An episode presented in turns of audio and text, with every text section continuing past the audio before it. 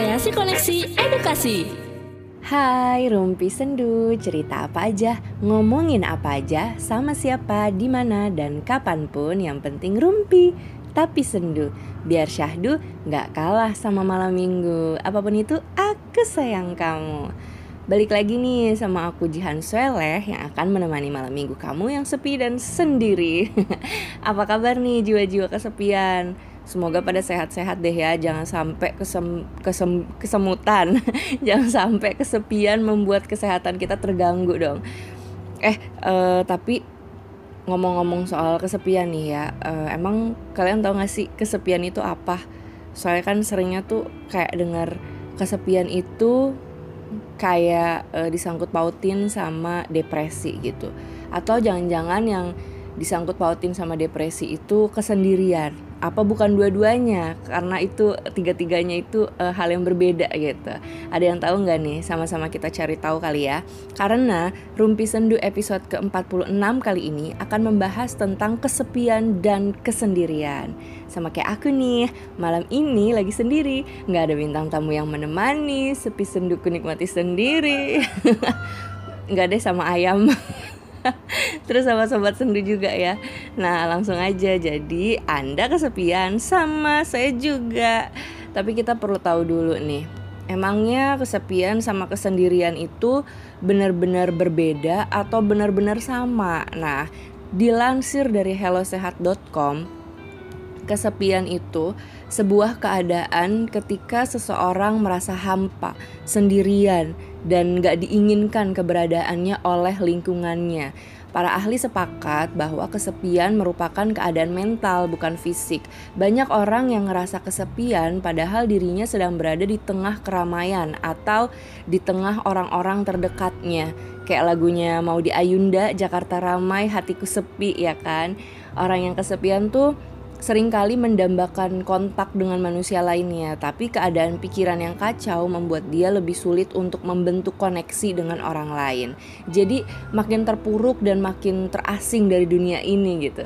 Umumnya tuh kesepian sebabnya dari kematian seseorang yang kita sayangi, pengucilan dari lingkungan, perceraian, pembulian, terus faktor internal, uh, kayak memandang rendah diri sendiri, merasa tidak layak untuk mendapatkan perhatian orang lain dan terkucilkan tentu aja ya kan. Nah, kalau dilansir dari satu persen nih, kesepian sama kesendirian itu sangat beda.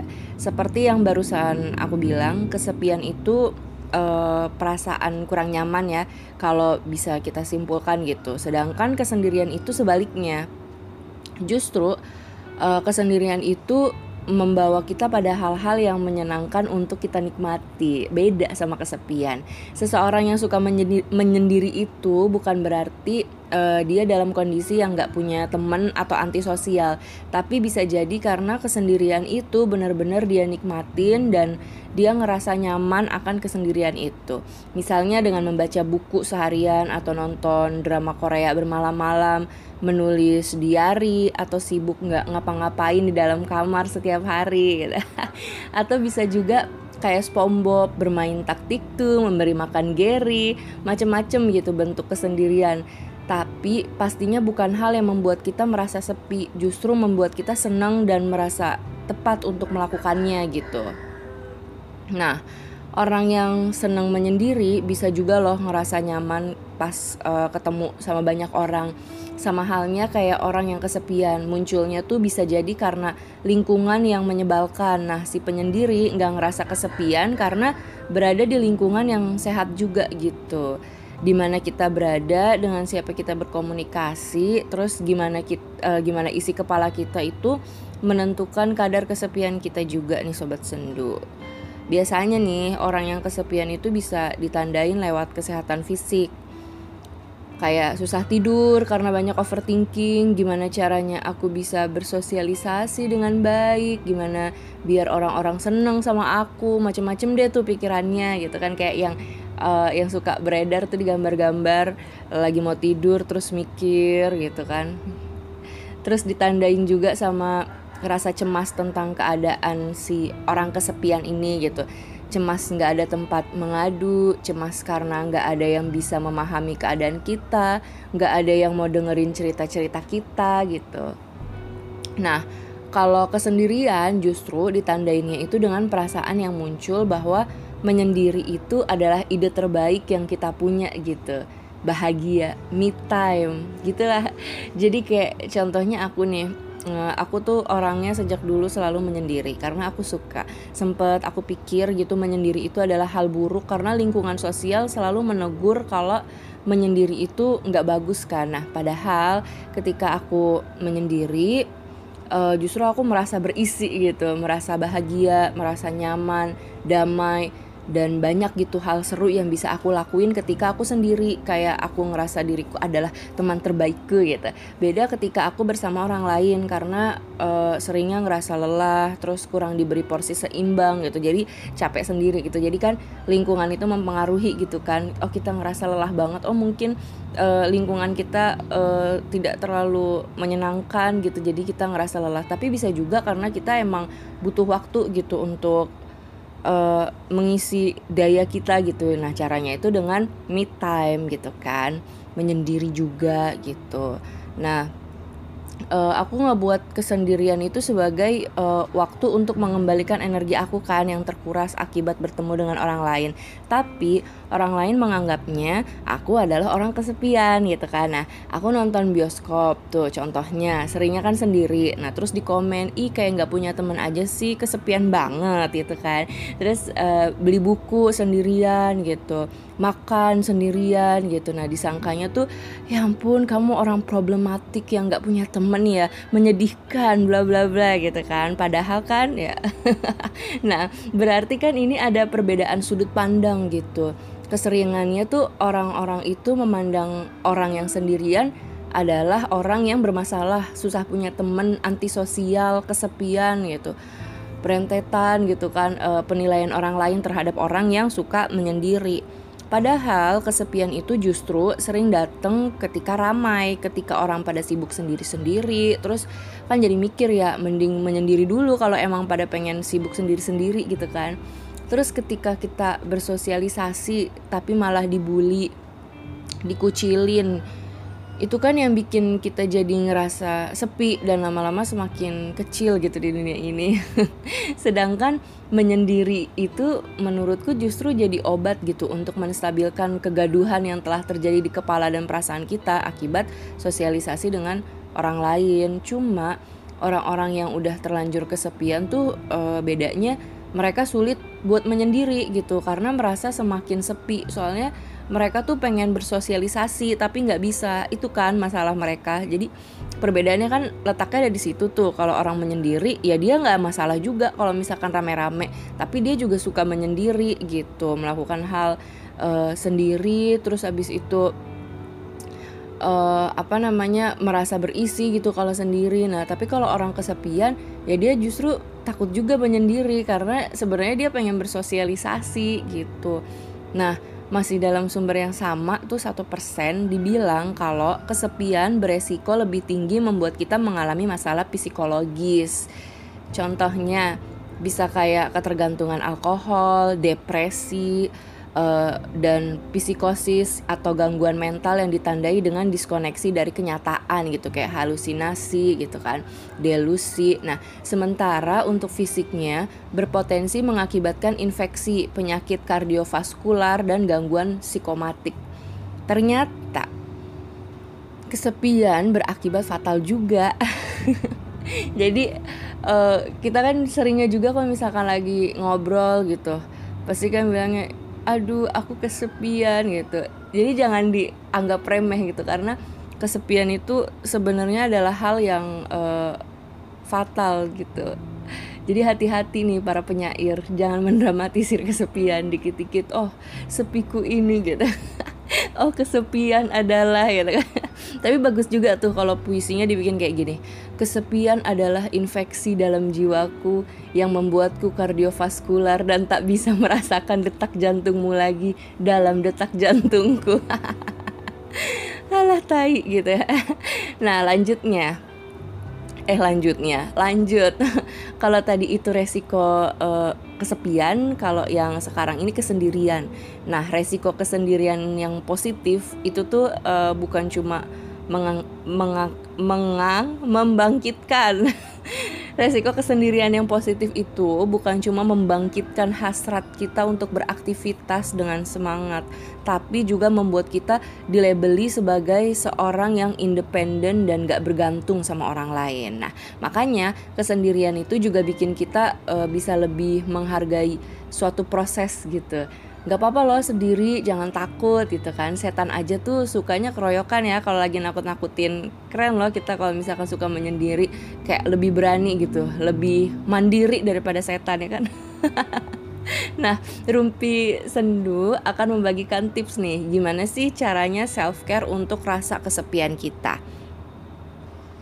Nih, kali ini dari dokter I Gustirai Putra Wiguna psikiater di klinik SMC Bali. Nah, beliau ini juga bergiat di uh, Lisa Helpline yang pencegahan bunuh diri. Kalian udah pada tahu belum? Kalau misalkan uh, di Indonesia ini ada kayak komunitas gitu ya yang membantu teman-teman untuk mencegah bunuh diri gitu. Nah, itu tuh bagus banget guys karena walaupun e, di Bali ya tapi tetap bisa ngebantu kita lewat online juga gitu. Jadi orang-orang yang di luar Bali itu masih tetap bisa mendapat bantuan tapi lewat online. Nah, jadi kalau misal kita punya teman yang mau bunuh diri e, atau kayak udah ada tanda-tanda pengen bunuh diri gitu atau dia cerita gitu gue udah nggak sanggup hidup gitu kan. Nah itu bisa uh, kita ajak konsul gitu untuk mencegah. Atau kalau kita sendiri juga yang ngerasa kayak begitu kita juga bisa konsul gitu. Malah kita juga bisa konsul walaupun kita nggak pengen bunuh diri gitu. Jadi kayak kita ngerasa ada masalah nih sama perasaan kita gitu. Atau kita pengen tanya-tanya soal uh, emosi gitu soal psikologi kayak gitu. Nanya-nanya lah konsul. Nah itu tuh bisa banget gitu. Lewat online di Lisa Helpline gitu lewat chat iya lewat chat Nah, gratis banget. gratis banget, gratis aja. Alhamdulillah karena ada yang sampai konsul online gitu juga sama dokter-dokternya tapi tetap gratis gitu. Ada juga yang mungkin nggak terlalu parah gitu atau cuma sekedar cerita-cerita aja gitu. Jadi ditanganinnya sama volunteer yang emang memahami tentang pencegahan bunuh diri atau memahami tentang uh, psikologi gitu. Jadi udah terlatih gitu. Nah, Lanjut, dokter Rai itu bilang kalau langkah-langkah self care buat rasa kesepian kita itu ada enam gitu caranya. Yang pertama, heningkan inner critic. Jadi uh, kayak pikiran dan perasaan negatif yang ada di dalam diri kita itu uh, diheningin gitu. Jangan sampai kita mendengar jelas pikiran-pikiran negatif itu karena mereka bisa menguasai kita. Nah, waktu inner critic kita muncul, biasanya kita cenderung ngasih penilaian yang buruk pada diri kita sendiri. Nah ini yang bikin kita minder gitu, yang bikin kita nggak pede. Hal ini tuh muncul karena kita suka menghakimi banyak hal termasuk menghakimi diri kita sendiri. Contohnya, misalnya kita menang lomba gitu, atau kita dapat penghargaan atau gaji naik bla bla bla. Nah, kita bisa mencapai apa yang kita inginkan gitu kan, tapi normalnya kan uh, alhamdulillah gitu ya. Ih alhamdulillah bisa mencapai gitu. Nah tapi kalau ini tuh enggak. Kita ngerasa kita tuh enggak pantas gitu. Semua yang kita dapetin itu cuma karena beruntung aja karena lagi nggak apes aja gitu. Sebenarnya mah nggak bakal dapet tapi ini lagi nggak apes aja makanya bisa gitu. Kadang nih pikiran kita ngomong A terus uh, yang lain ngomong lagi gitu kan. Kayak aku bisa karena aku tahu kemampuan aku selama ini kerjaku rajin, aku cepet tanggep, kayak aksi solidaritas kemanusiaan, aku disiplin, aku bisa memahami situasi. Eh, tiba-tiba ada suara-suara halus gitu di kepala kita juga yang bilang, "Enggak, lu goblok, lu goblok, lu goblok, goblok, goblok, goblok, goblok. Lu nggak pantas gitu. Lo nggak ada uh, apa lo nggak ada kemampuan apa-apa gitu kalau nggak ada si A juga lo nggak bakal kayak gini lo tuh nggak ada apa-apanya gitu jadi kerjanya inner kit inner kritik kerjanya inner kritik kita selama ini tuh akhirnya bikin kita jadi down dan ngasih penilaian buruk ke diri sendiri seolah-olah penilaian itu juga datengnya dari semua orang gitu.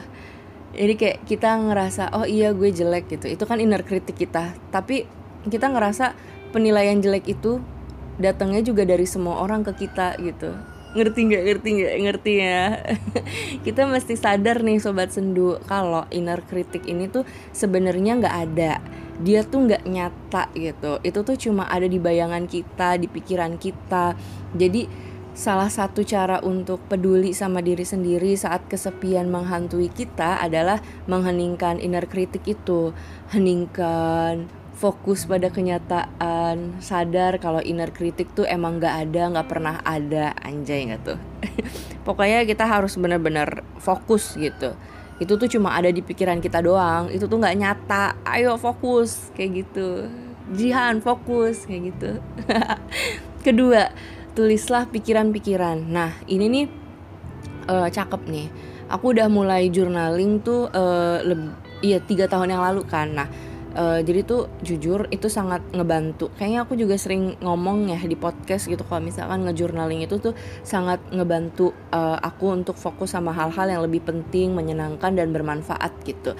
Nah terus jadi lebih mengenal diri sendiri juga. Nah salah satunya itu menuliskan pikiran-pikiran. Jadi pas aku ngerasa hari ini berat aku tulis hari ini perih banget nggak ada uang job udah lama kosong nggak dikasih gorengan sama emak padahal adik sama kakak gue dikasih gitu. Semuanya ditulis semau aku gitu pengennya nulisnya gimana. Terus baru setelah itu uh, ditulis lagi.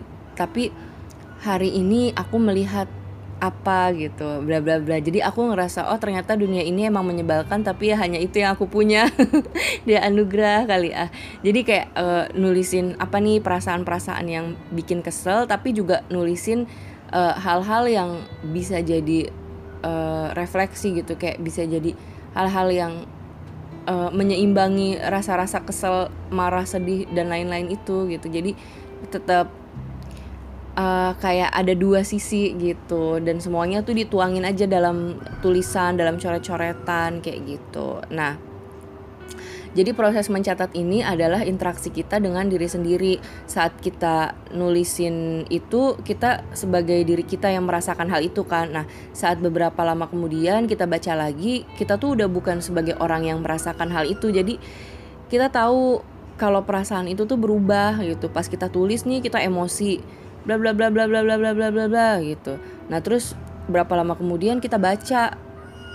Kita jadi ngerasa oh kemarin tuh gue nulisin ini gitu. Terus perasaannya kan belum tentu sama kan pas lagi baca kayak gitu. Tapi bisa juga dua bulan tiga bulan kita baca perasaannya masih sama. Nah berarti itu belum belum benar-benar bisa kita uh, apa ya berdamai gitu. Kita belum bisa berdamai dengan perasaan itu makanya perasaan itu masih sama ketika kita membaca ulang. Nah terus uh, kan kita juga jadi sebenarnya tuh apa mencatat kayak gini tuh kita jadi uh, sadar gitu. Nggak selamanya kita sedih terus nggak selamanya kita bahagia terus terus uh, catatan itu jadi perjalanan yang bisa kita lihat ulang gitu kan bisa melatih kesadaran kita. Jadi hidup tuh nggak kayak ngambang doang gitu tapi kita merasakan proses kita sadar kalau kita ini hidup kita melakukan apa pun kita itu sadar gitu. Nah ini nih membantu juga untuk mengatasi rasa kesepian yang kita alami karena kan ya oke kita nggak punya temen gitu misal terus kita nulis gitu kita journaling. Beneran deh kita jadi ngerasa kayak punya temen. Jadi kayak eh, nggak uh, ada orang gitu nggak ada temen yang nggak apa-apa. Soalnya ada ada diri kita sendiri Nah, terus yang ketiga nih, masih nyambung sama sebelumnya. Izinkan diri kita merasakan emosi yang sedang kita alami. Nah, kalau yang tadi kan sambil dicatat. Nah, kalau ini ya izinin aja gitu, perasaan yang kita alami itu emang beneran ada gitu dan ya udah biarin aja gitu loh. Banyak banget eh banyak banget. banyak orang yang toxic positivity gitu kan kalau akhir-akhir ini gitu ya disebut gitu eh toxic positivity banget ya nah dari dulu tuh kan uh, sebenarnya udah ada ya kayak orang pada pengen terlihat kuat, terlihat hebat gitu. Tapi kan dulu normal aja. Kalau sekarang kan ada kayak omongan yang oh itu tidak baik gitu kan. Ya udah biarin aja emosi seperti ini gitu. Jadi beda gitu. Nah, terus orang-orang ini nggak mau kelihatan sedih gitu pengen terlihat baik pengen terlihat kuat jadi nggak mau marah nggak mau nangis gitu nggak mau kesel nggak mau ngambek. Ih ngambek itu sifat yang buruk jadi aku nggak boleh ngambek aku harus kuat gitu aku harus tetap biasa aja stay cool gitu kan. Padahal kita justru kuat kalau kita tuh bisa berteman sama emosi-emosi kita gitu kalau kesel ya akui gitu loh. Kesel kalau marah ya bilang iya gue marah makanya gue mau ngadem dulu di kulkas gitu. Lo jangan deket-deketin gue mulu please gitu. Gue tuh mau marah gitu kan. Atau kalau lagi sedih ya udah nangis jangan ditahan jangan mentang-mentang mau jadi Superman terus nggak boleh nangis gitu. Al Eldul aja tuh nangis kan katanya kalau kekasih hatinya meninggalkan mereka ada di lagu apa tuh? Lagunya Al Eldul ya kan? Aku bukanlah Superman aku juga bisa nangis. Ketika kekasih hatiku meninggalkan aku ya kan? Santai aja. Mau dikata apa sih pura-pura kuat begitu? Kalau kita takut sama emosi kita bisa kok belajar kontrol gitu. Belajar menyadari emosi makanya uh, dirasain gitu kan dikenalin. Oh gue marah nih. Biasanya kalau gue marah gue garuk-garuk aspal gitu. Nah latih diri kita. Kalau kita udah kenal sama emosi sendiri pas kita terpancing gitu mau marah kita bisa kontrol kita bisa sadar gitu. Ah bentar lagi gue marah nih. Gue harus menjauh nih biar gue nggak narik lak-lakan orang gitu misalnya ya kan atau wah gue udah nggak kuat nih pengen ngamuk. Gue harus beli soda gembira nih biar hati gue lebih enjoy ya kan? Atau aduh gue sakit hati nih. Gue kalau sedih meraung-raung nih daripada dibilang orang gila mending gue pesan GoFood ya. Jadi kayak udah kenal gitu oh ini tanda-tanda pengen ngamuk nih. Oh ini tanda-tanda pengen nangis nih pengen marah. Tapi uh, ntar ganggu orang lagi. Ya udah coba gue ngapain ya? Robek-robek kertas ya kan? Atau gue coret-coret atau apa gambar gambar-gambar kayak gitu banyak. Apa aja gitu dialihin fokusnya gitu. Karena kan kita udah kenal sama emosi kita. Tapi kalau emang kita bisa beremosi beremosi. Kalau kita bisa beremosi dengan lebih uh, anggun cailah itu ya kita sampein aja. Gue emosi nih gitu tapi tetap datar itu bisa nggak tuh? Pokoknya kan cuma kita yang bisa mengendalikan diri sendiri ya kan? Nah keempat nih kenali diri kita. Kesepian itu bisa jadi datangnya tuh karena kita nggak ngasih tempat buat diri sendiri di dalam diri kita. Jadi terlalu banyak orang lain yang kita isi di dalam pikiran kita gitu, di hati kita, di jiwa kita sampai kita tuh lupa sama diri sendiri kayak sering kan ya uh, ketemu nih sama orang pas ditanya lo tahu nggak sih si doi sukanya apa? Terus dijawab tuh sampai tujuh turunan gitu dia suka ini itu ono begindang shalala gitu kan. Nah begitu ditanya apa sih yang paling lo suka dari diri lo sendiri? Dari diri lo sendiri terus jawabnya hmm, apa ya gitu. Lo tuh orangnya kayak gimana sih? Terus dijawab gue baik gue cantik gue kayak Pevita Pierce gitu. Terus ditanya lagi lo ngerasa cantik pas lagi apa emangnya ih apa sih pertanyaannya? Malu gitu kan. Jadi tuh pas kita ngejawab tentang orang lain kita tuh bisa detail gitu. Kita bisa ngejelasin dari bagus sampai buruknya sampai ke bentuk upil dan jigong, jigongnya orang itu gitu kan. Saking berapi-apinya oh gue tahu nih dia tuh orangnya begini begini begini begini gini gini gitu. Tapi begitu suruh ngejelasin tentang diri kita sendiri yang kita kasih tahu tuh cuma gambaran umumnya doang gitu. Kayak orang nggak perlu kenal-kenal banget juga udah bisa tahu kalau lo baik semua manusia baik gitu. Kalau lo cantik kalau lo ganteng gitu kalau lo baik-baik aja gitu kalau lo mirip A B C D gitu. Itu kan gambaran umum doang gitu. Tapi tuh gambaran mendalam tentang diri kita tuh susah gitu buat kita menjelaskannya atau buat kita mengenalinya gitu. Jadi bisa jadi kita nggak bisa menjelaskan tentang diri kita karena emang kita belum terlalu kenal ya kan? Kita jadi kayak bingung ih ngomongnya gimana ya? gitu. Karena emang benar-benar belum memahami gitu. Dulu aku juga uh, kayak gitu tiap kali ngelamar kerja nih misalnya kan contoh contoh gampangnya aja nih pas ngelamar kerja kan disuruh jelasin nih tentang diri sendiri. Nah aku tuh nggak pernah bisa tuh dulu. Sampai aku tuh dipaksa terus aku bilang aku dipaksa terus aku tetap nggak mau terus aku bilang saya nggak bisa karena yang bisa menilai diri saya itu adalah orang lain gitu kan. Terus uh, akhirnya tuh uh, orang yang ngelamar apa yang lamar yang dilamar kerja sama aku itu kayak ngasih tahu gitu uh, apa orang lain emang menilai diri kita tapi kita juga harus tahu diri kita sendiri itu seperti apa kelemahannya kelebihannya apa segala macam segala macam gitu. Nah terus itu tuh yang bikin aku tuh susah banget nggak banget sih sebenarnya. Jadi agak itu soalnya juga awal-awal sih pas masih kuliah gitu. Itu tuh jadi oh aku nggak dapet kerjaan tuh karena hal itu gitu. Aku nggak bisa menjelaskan diri aku sendiri gitu sampai akhirnya aku rutin uh, nulis di buku planner dan ikut volunteer volunteer tuh aku makin belajar tentang diri aku sendiri. Karena di dua kegiatan itu tuh kita dituntun untuk mengenali diri sendiri. Kayak di volunteer tuh aku tiap pertemuan itu tuh pasti ada sesi ngomongin diri sendiri gitu. Kayak apa sih yang kamu suka? Apa sih yang nggak kamu suka? Nilai diri kamu apa?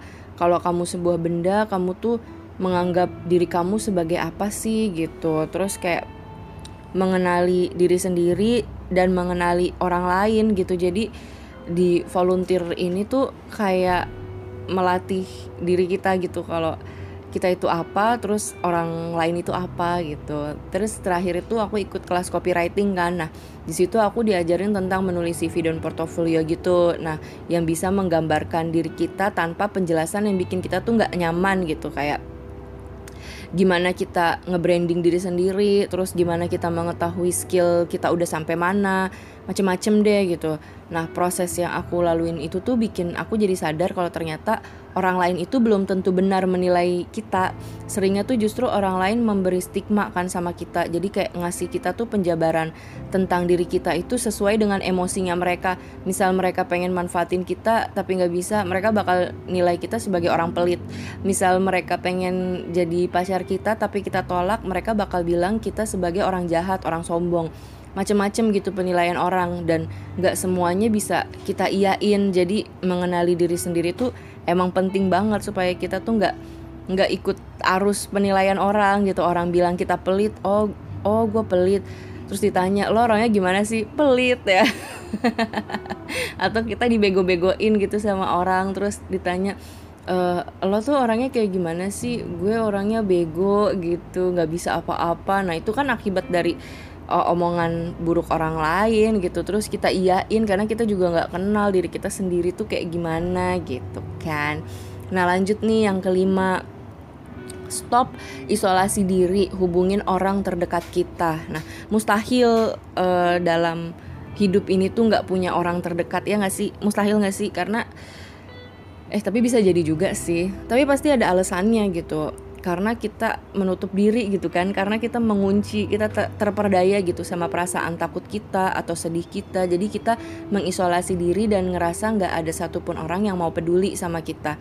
Akhirnya kita makin kesepian dan kesendirian gitu nggak bisa ngebantu apa-apa karena kita udah ngerasa nggak berdaya duluan. Jadi kalau kita tahu lingkungan kita busuk jauhin cari lingkungan yang baik gitu cari seenggaknya dua atau tiga orang yang bisa uh, dengan tangan yang ringan ngebantu kita. Pasti ada kok. Iya pasti ada itu nggak mungkin nggak mungkin semua orang di dunia ini tuh nggak peduli sama kita tuh nggak mungkin. Kalau emang beneran banget tuh nggak ada yang peduli sama kita ya udah kembali lagi. Kita yang peduli sama diri sendiri gitu Nah, apalagi sekarang tuh udah banyak kan akun-akun kesehatan mental gitu, komunitas-komunitas yang saling membantu sesama manusia gitu. Terus lembaga-lembaga kemanusiaan, lembaga sosial yang mereka mungkin bukan teman kita, bukan orang terdekat kita, tapi mereka orang-orang yang peduli. Jadi bisa untuk kita deketin ini kalau emang bener-bener nggak punya siapa-siapa ya tapi kalau punya ya hubungin dulu gitu temen deket kita yang emang kita percaya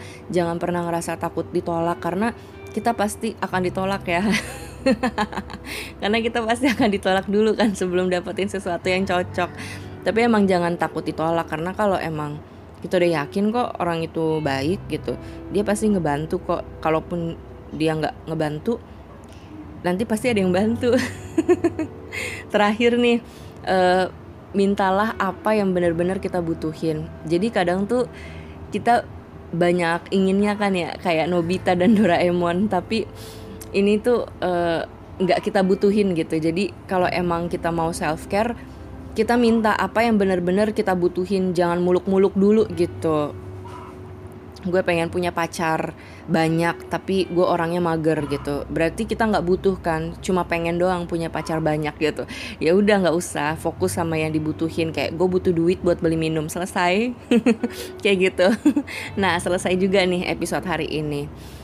Semoga uh, bermanfaat ya buat teman-teman yang kesepian gitu. Nah, buat teman-teman yang selama ini uh, dibilang uh, kesepian padahal sebenarnya cuman butuh kesendirian gitu karena kesepian dan kesendirian itu adalah dua hal yang berbeda yang selama ini sering disalahpahami oleh orang-orang kebanyakan gitu. Jadi tenang aja kalau emang pengen menyendiri ya menyendiri aja karena bukan berarti itu uh, kesepian gitu. Senang dengan uh, rasa hening gitu itu bukan berarti kesepian gitu. Santai aja. Nah sampai sini dulu ya. Makasih banget sobat sendu semuanya yang masih dengerin podcast ini. Desember ini Rumpi Sendu udah 2 tahun jadi aku bener-bener sangat berterima kasih sama kalian yang uh, selama ini masih tetap dengerin aku sampai detik ini. Asik. Sampai ketemu lagi di Rumpi Sendu selanjutnya. Rumpi sendu, cerita apa aja, ngomongin apa aja, sama siapa, di mana dan kapan pun yang penting rumpi tapi sendu. Biar syahdu nggak kalah sama malam minggu. Apa pun itu, aku sayang kamu. Dadah. Mula. Kreasi koneksi edukasi.